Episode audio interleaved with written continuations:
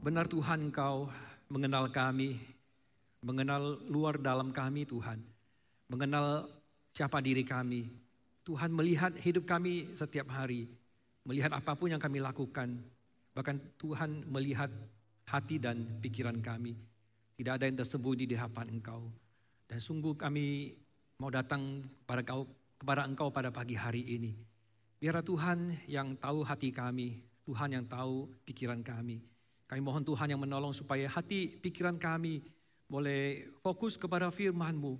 Hati kami boleh lembut untuk menerima firman-Mu. Biarlah Tuhan berbicara kepada kami. Tuhan isi hati dan pikiran kami dengan firman-Mu. Sehingga kami boleh terus semakin bertumbuh Tuhan. Semakin hidup sesuai seturut dengan firman-Mu. Terima kasih Tuhan. Kami mohon berkat daripada Tuhan. Dalam nama Tuhan Yesus kami berdoa.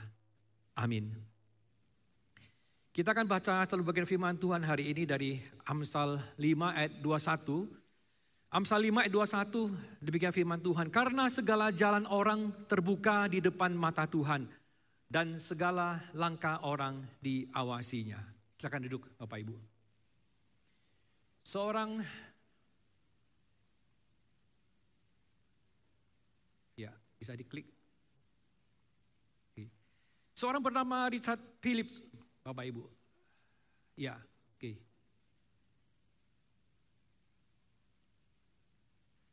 Bisa kembali sana? Ya, oke. Okay. Ya, ini Richard Philip dia pernah dipenjara selama 46 tahun. Dia dipenjara mulai dari sekitar usia 15 tahun Bapak Ibu. Tapi setelah dipenjara 46 tahun baru kemudian kasusnya dibuka kembali, diperiksa kembali dan terbukti bahwa orang ini tidak bersalah. Ternyata orang bukan dia yang melakukan pembunuhan sehingga dia dipenjara selama 46 tahun. Melainkan ada orang lain yang kemudian ditemukan dan terbukti bersalah. Dan akhirnya Richard Philip ini dia dibebaskan. Walaupun dia sudah dibebaskan, tapi Richard Philip ini mengalami begitu banyak kerugian ya.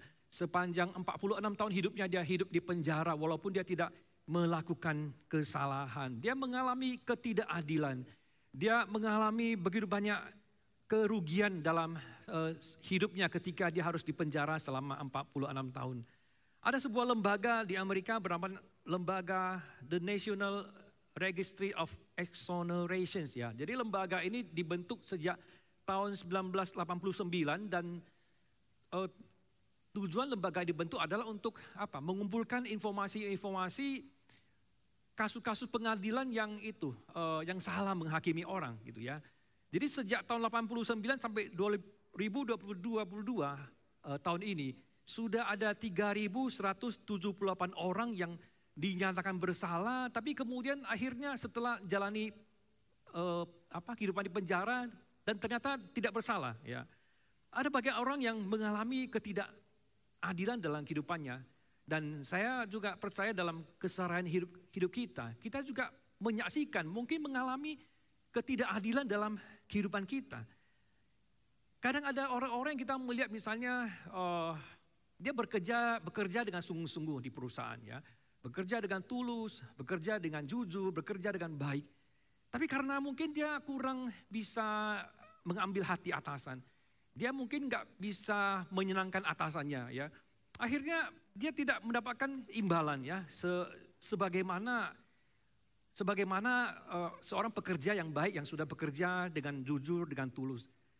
Tapi di dalam pihak ada orang yang bekerjanya kurang baik. Kerjanya agak malas-malasan. Tapi karena dia dekat dengan atasan. Karena dia bisa membawa diri. Bisa uh, menonjolkan diri di hadapan atasan. Eh akhirnya dia justru mendapatkan posisi yang lebih baik.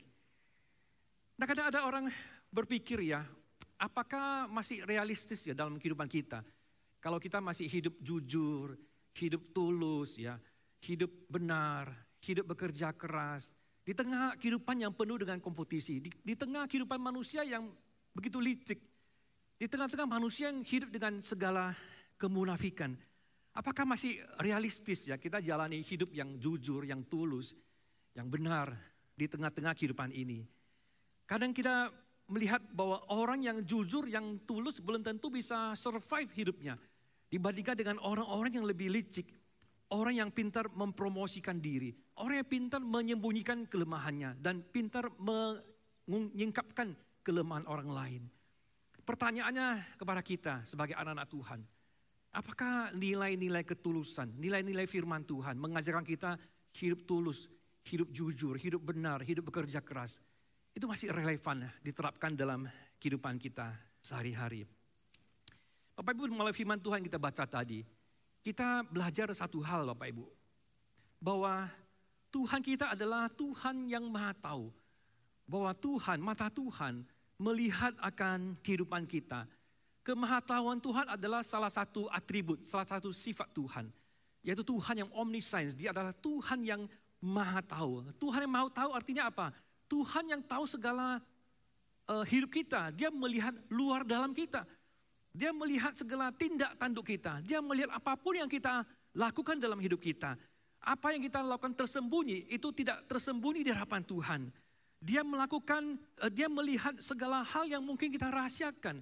Tindakan-tindakan atau perbuatan, bahkan perkataan yang kita katakan secara tersembunyi.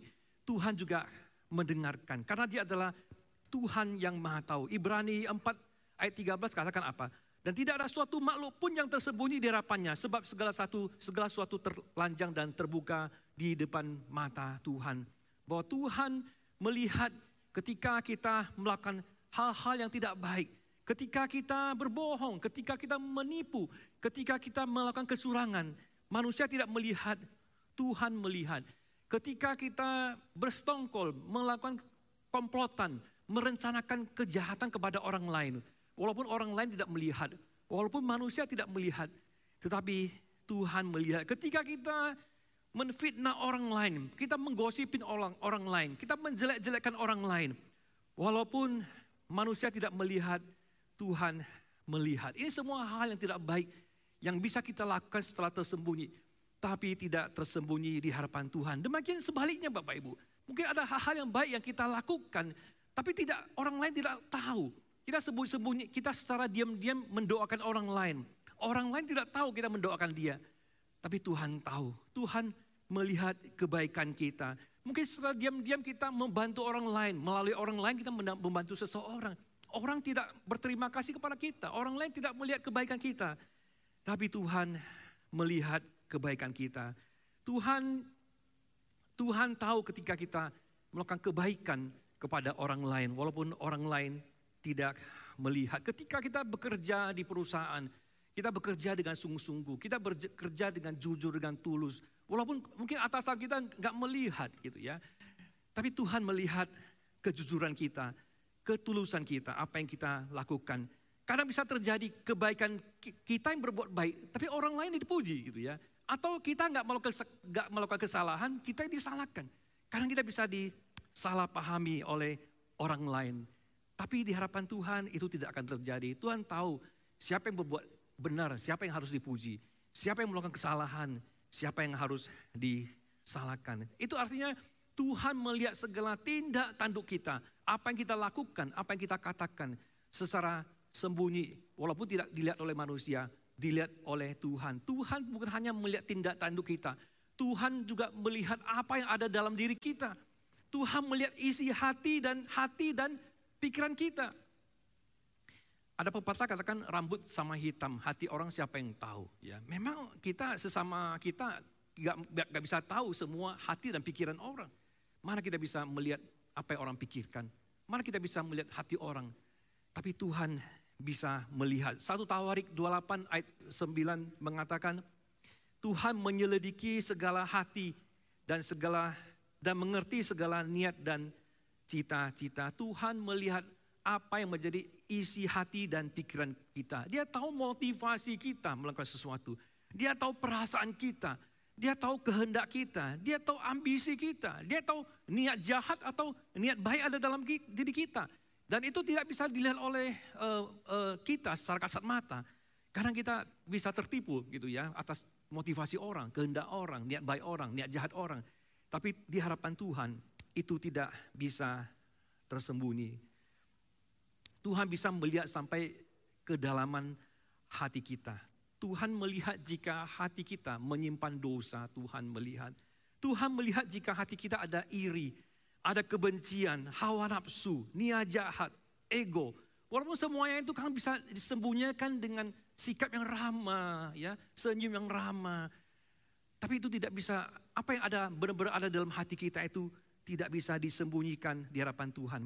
Matius 7 ayat 21 22 mengatakan apa? Sebab dari dalam dari hati orang timbul segala pikiran jahat, percabulan, pencurian, pembunuhan, perzinahan, keserakahan, kejahatan, kelicikan, hawa nafsu, iri hati, hujat, kesombongan, dan kebebalan. Itu semua sesuatu yang bisa saja kita simpan, sembunyikan dari hadapan manusia. Tidak bisa disimpan dari hadapan Tuhan.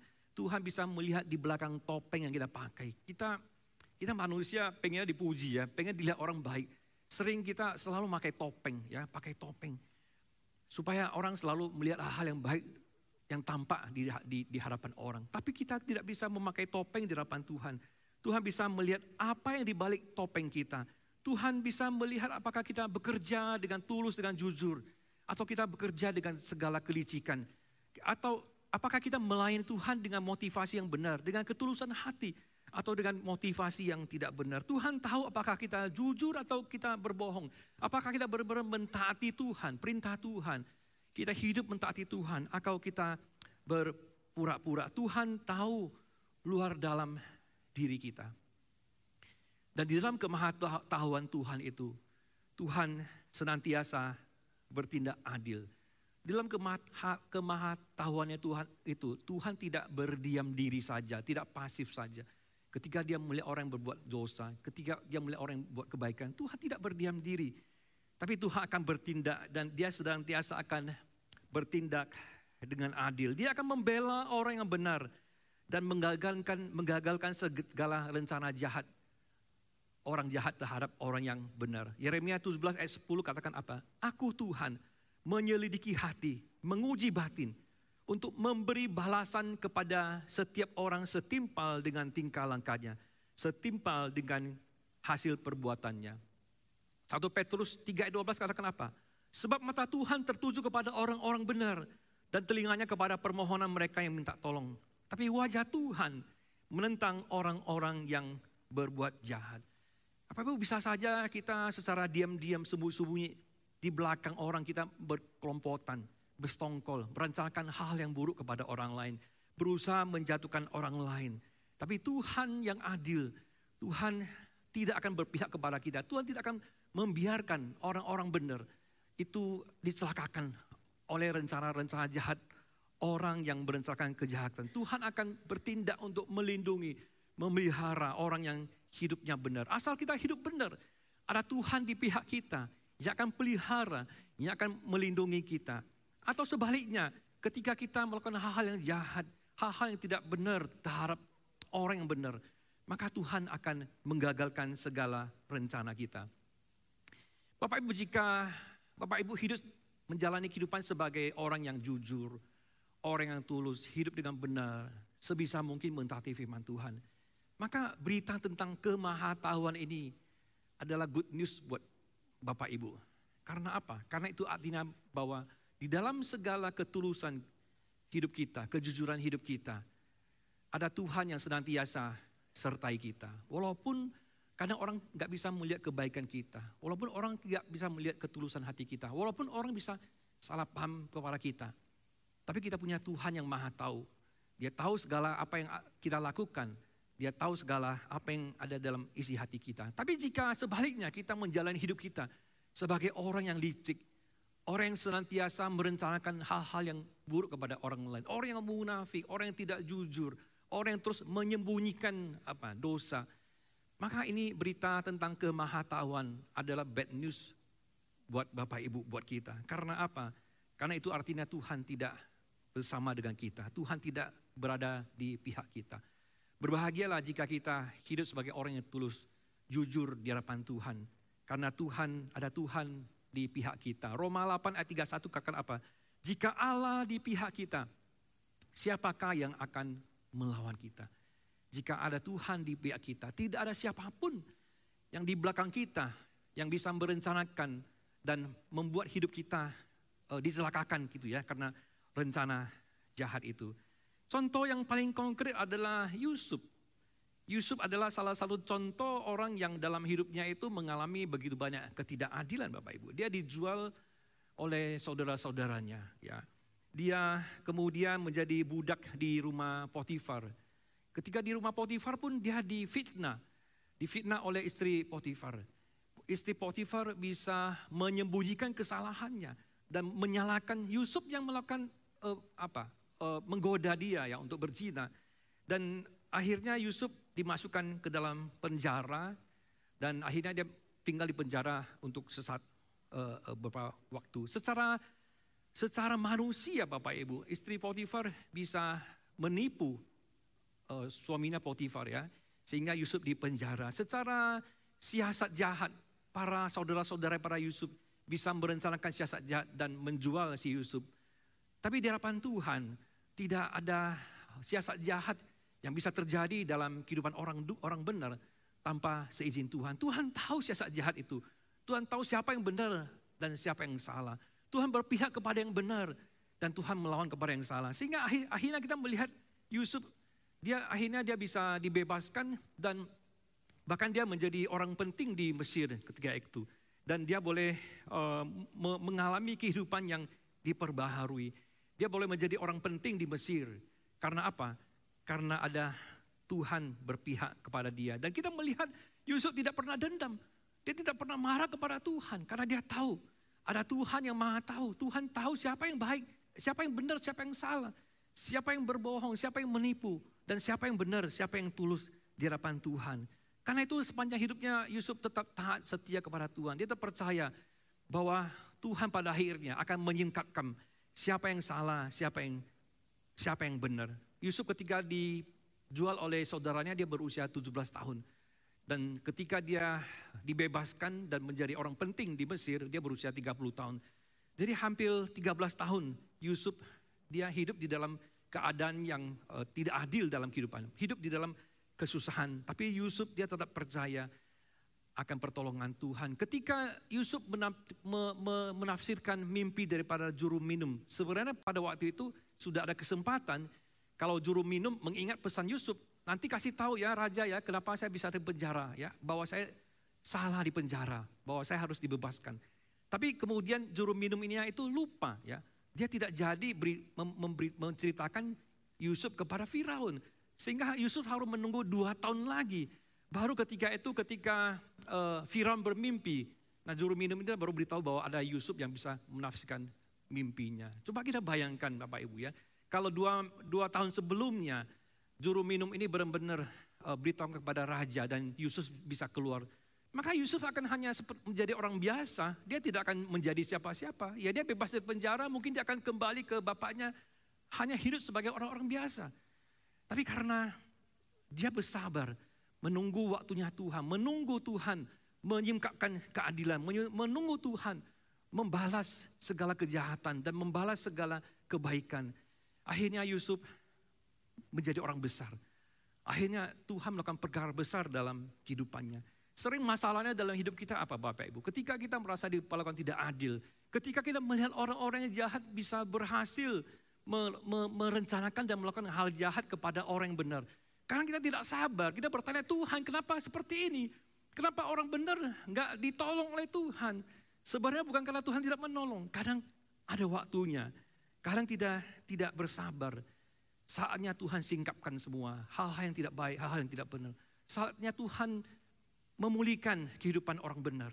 Saatnya Tuhan uh, memberikan pertolongan kepada orang yang benar. Apa yang kita bisa aplikasikan melalui uh, poin pertama ini Bapak Ibu, bahwa jangan kita menyerah terus hidup jujur, hidup tulus, hidup benar di hadapan Tuhan.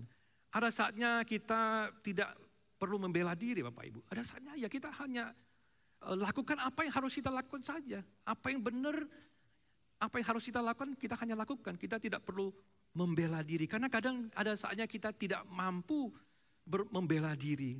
Tapi teruslah kita menjalani hidup kita dengan benar, dengan tulus di hadapan Tuhan.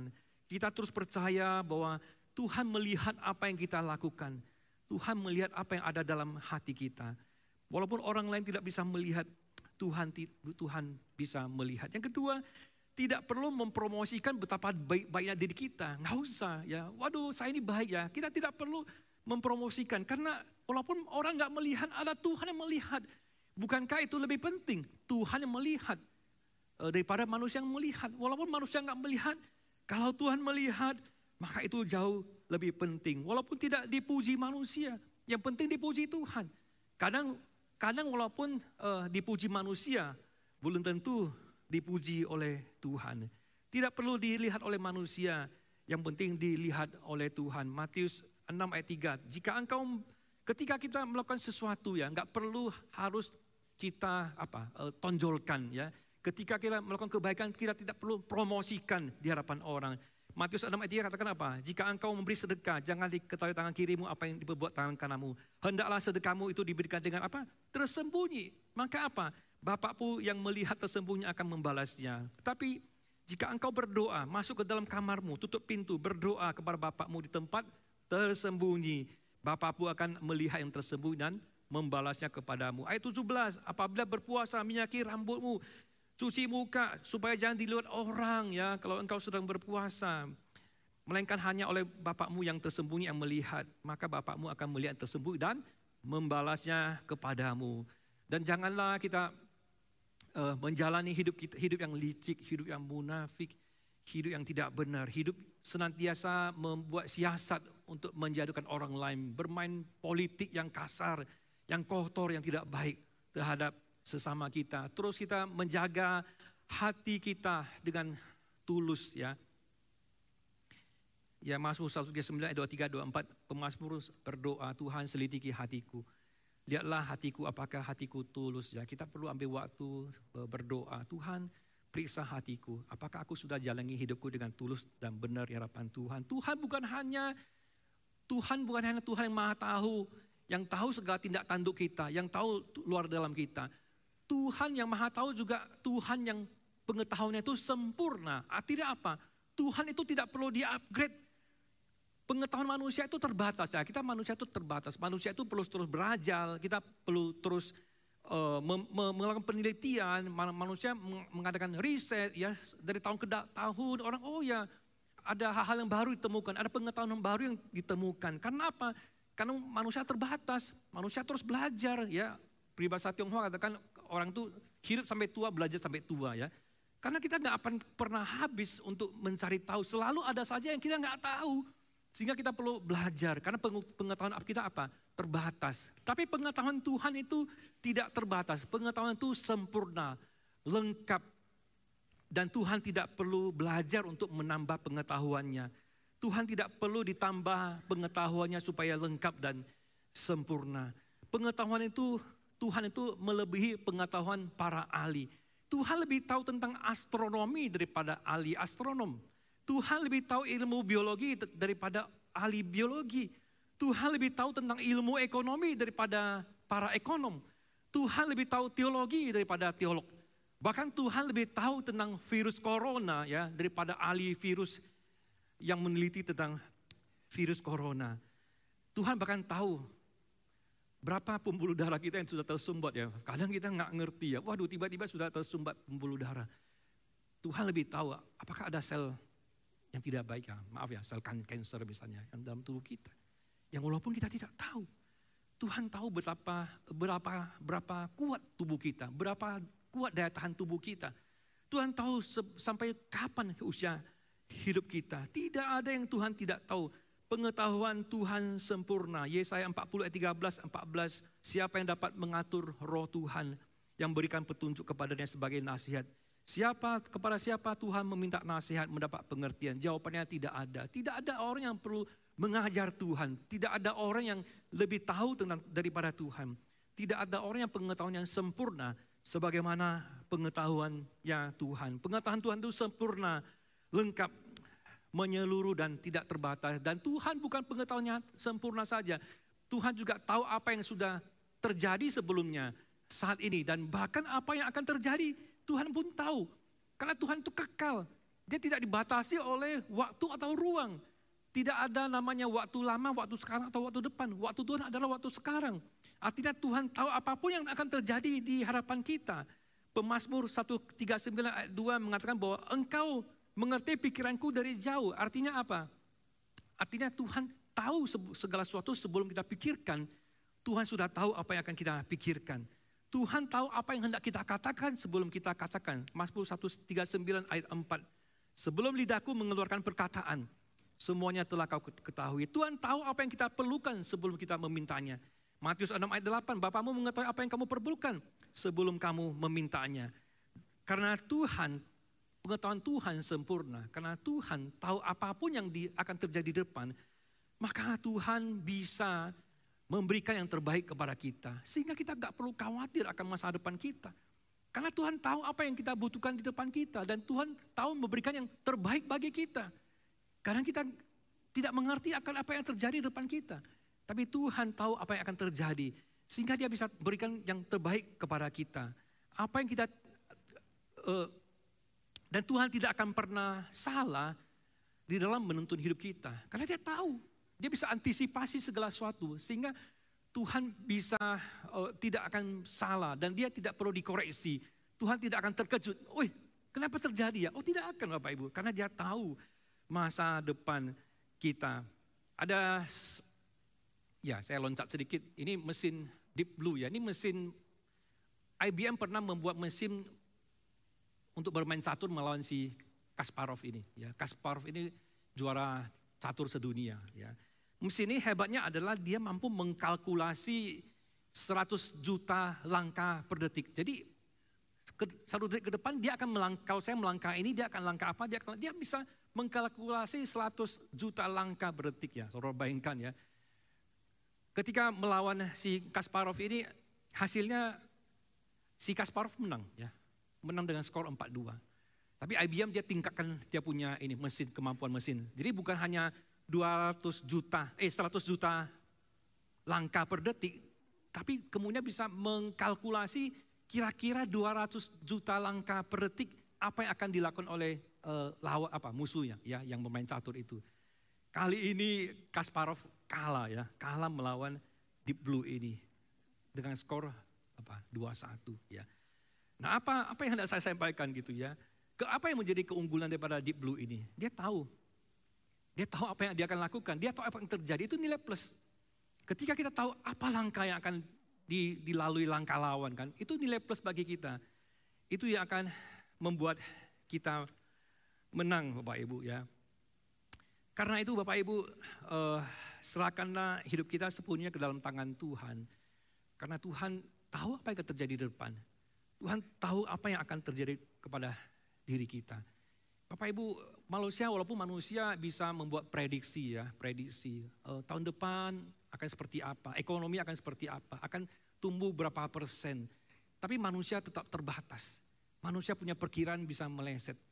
Siapa yang bisa meng, meng, mengkalkula apa, meng, meng, apa uh, memperkirakan siapa yang dua setengah tahun yang lalu bisa perkirakan dua setengah tahun yang akan datang akan ada COVID. Siapa yang tahu, Bapak Ibu? Orang sudah mungkin sudah merencanakan uh, membangun perusahaan, merencanakan pernikahan, merencanakan untuk ke sana kemari. Akhirnya bubar semua, Bapak Ibu. Kalau ada orang yang bisa, ada satu orang misalnya yang bisa memprediksi, maka dia akan jadi orang kaya hari ini. Kenapa? Dua tahun setengah tahun yang lalu dia akan mulai membangun pabrik apa? Masker ya. Pabrik masker besar-besaran dua setengah tahun yang akan datang akan ada orang butuh masker. Akan memproduksi apa? Oximeter ya untuk mengukur ini ya. Akan memproduksi vaksin obat virus. Ketika kita bisa tahu selangkah dua langkah ke depan, maka itu keunggulan bagi kita. Tapi kita kan terbatas. Tapi kita punya Tuhan yang tidak terbatas. Tuhan tahu setahun lagi akan terjadi apa di Indonesia, di negara, di dunia ini. Apa yang akan terjadi pada diri kita? Sehingga apa yang harus kita lakukan? Kita harus melakukan apa? Kita harus uh, melangkah ke mana? Apa yang harus kita lakukan? Karena itu Bapak Ibu, kita serahkan hidup kita ke dalam tangan Tuhan yang maha tahu itu. Kita nggak usah kepo ya, kadang kita intervensi Tuhan. Kita ngomel-ngomel sama Tuhan, paksakan Tuhan. Tuhan harus lakukan ini, ini, itu. Seperti yang saya mau. Oh kita kepo Bapak Ibu ya, kita merasa kita lebih tahu daripada Tuhan. Para Tuhan tahu lebih tahu daripada kita. Dia lebih tahu yang terbaik buat kita. Jadi yang paling baik, yang benar adalah apa? Senantiasa kita mencari keadaan Tuhan, pimpinan Tuhan. Dan terus percaya serahkan hidup kita selangkah demi selangkah. Karena Tuhan yang paling tahu apa yang terbaik bagi kita di depan. Saya tutup dengan sebuah uh, cerita Bapak Ibu. Ya. Suatu kali ada seorang ayah, uh, dia membawa anaknya pergi ke toko mainan. Ya. Ke toko mainan itu sangat besar, sehingga ya anaknya itu ya berkeliaran gitu ya. Ya maaf ya sebentar ya, singkat sekali. Anak-anak itu berkeliaran ya, berkeliaran dan bapaknya setelah tahu mainan-mainan akan dibeli, dia pun ke kasir bayar ya, bayar. Ini Pak ini sampai setelah bayar, setelah mau pulang, dia cari, uh, anaknya ke mana ya gitu ya. Karena besar ya, jadi mungkin kelihaatan ke mana, waduh bapaknya panik, dia cari-cari. Jangan sudah keluar keluar keluar toko, dia pikir lihat keluar toko, nggak ada. Sapamnya juga bilang nggak ada, nggak ada anak kecil yang diizinkan keluar tanpa orang tua gitu ya. Bagaimana ayo kita coba, ini kan ada banyak CCTV ya, bagaimana ayo kita coba lihat di CCTV, akhirnya dibawa ke dalam satu ruangan, di sana ada monitor-monitor, dilihat gitu ya, mana-mana. Waduh, di satu monitor kelihat ada anaknya di situ, sedang sedang bingung juga, anaknya itu sedang takut ya, karena papanya nggak ada ya, seperti mau nangis begitu. Akhirnya dia minta, itu ada intercom gitu ya, dia ambil itu, dia, dia bicara kepadanya. Anakku ya, eh, Simon ya, anakku Simon, Papa ada di sini ya. Anaknya ketika dengar suara bapaknya, oh dia agak tenang ya. Eh, mana ya? Kok ada papanya bicara tapi suaranya nggak ada, nggak kedengaran. Dia nggak melihat gitu ya. Simon jangan pergi ke mana-mana. Tetap di situ saja. Kamu nggak bisa melihat papa. Tapi papa bisa melihat kamu. Bukankah itu yang paling penting, lebih penting Bapak Ibu ya? Karena dalam hidup kita ya, buat kita buat baik, buat benar, orang nggak melihat, itu ya kita merasa, wih sia-sia ya orang yang buat jahat, eh kenapa kelihatan tapi dia yang lebih beruntung. Walaupun orang nggak melihat Bapak Ibu, itu tidak penting. Yang penting apa? Papa kita melihat. Karena kita berpikir kita mau pakai cara-cara dunia ya, kita buat siasat, main politik ya, merencanakan hal yang terbaik kepada orang lain supaya kita berpikir kita bisa kompetisi, kita bisa menang Bapak Ibu. Oh jangan Bapak Ibu ya. Tuhan tidak akan berpihak kepada kita. Dan Tuhan tahu apa yang kita lakukan. Siasat tidak baik yang kita lakukan. Karena itu Bapak Ibu, walaupun Tuhan tidak melihat, walaupun manusia tidak melihat percaya bahwa Tuhan melihat sepanjang hidup kita. Bapak Ibu, kadang uh, setelah berkhotbah gitu ya, bisa bisa saja kita lupa ya, tadi khotbah apa, khotbah apa ya. Kita hanya mungkin mengingat sesuatu lah, sesuatu yang kita mungkin ada yang kita berkesan ya. Karena itu menutup khotbah ini saya mengajak kita nyanyi anak sekolah minggu ya. Supaya ketika kita pulang kita ingat ya. Ingat apa? Ada mata Tuhan yang melihat ya. Tahu lagunya? Mata Tuhan melihat ya apa yang kita perbuat. Saya undang kita pakai berdiri ya. Pakai gerakan.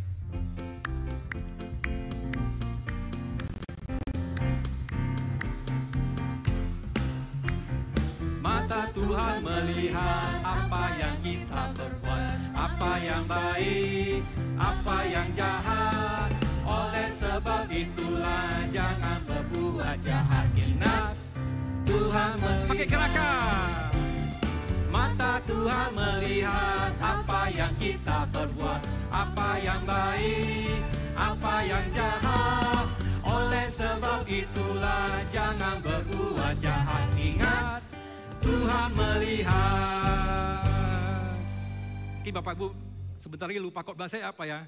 Tapi ingat lagu ini, mata Tuhan melihat. ya. Mari kita masuk dalam doa. Bapak di surga Tuhan, kami tahu Tuhan Engkau Allah yang melihat apa pun yang kami lakukan, apa pun yang kami pikirkan. Ampuni dosa kami Tuhan. Jika sering kami kurang beriman. Jika sering kami melakukan hal-hal yang tidak berkenan kepada engkau. Mungkin terhadap orang lain, ketika kami berkompetisi dengan orang lain, ketika kami merencanakan hal yang tidak baik kepada orang lain. Tuhan kau tahu, Tuhan ampuni dosa kami. Mungkin kami kurang beriman Tuhan. Karena itu kan kami mau belajar beriman. Percaya Tuhan yang melihat, Tuhan yang akan membela kami. Tuhan yang tidak akan tinggalkan kami. Kami mau belajar terus tulus menjalani kehidupan kami. Lakukan apa yang baik, apa yang benar yang harus kami lakukan. Itu saja Tuhan. Tidak mengharapkan harapkan pujian manusia, tapi hanya mengharapkan pujian daripada Tuhan. Dan kami percaya Tuhan Allah yang setia, yang akan pelihara berkati kehidupan kami. Terpujilah nama Engkau Tuhan, hanya dalam nama Tuhan Yesus kami berdoa. Amin. Selain duduk Bapak Ibu.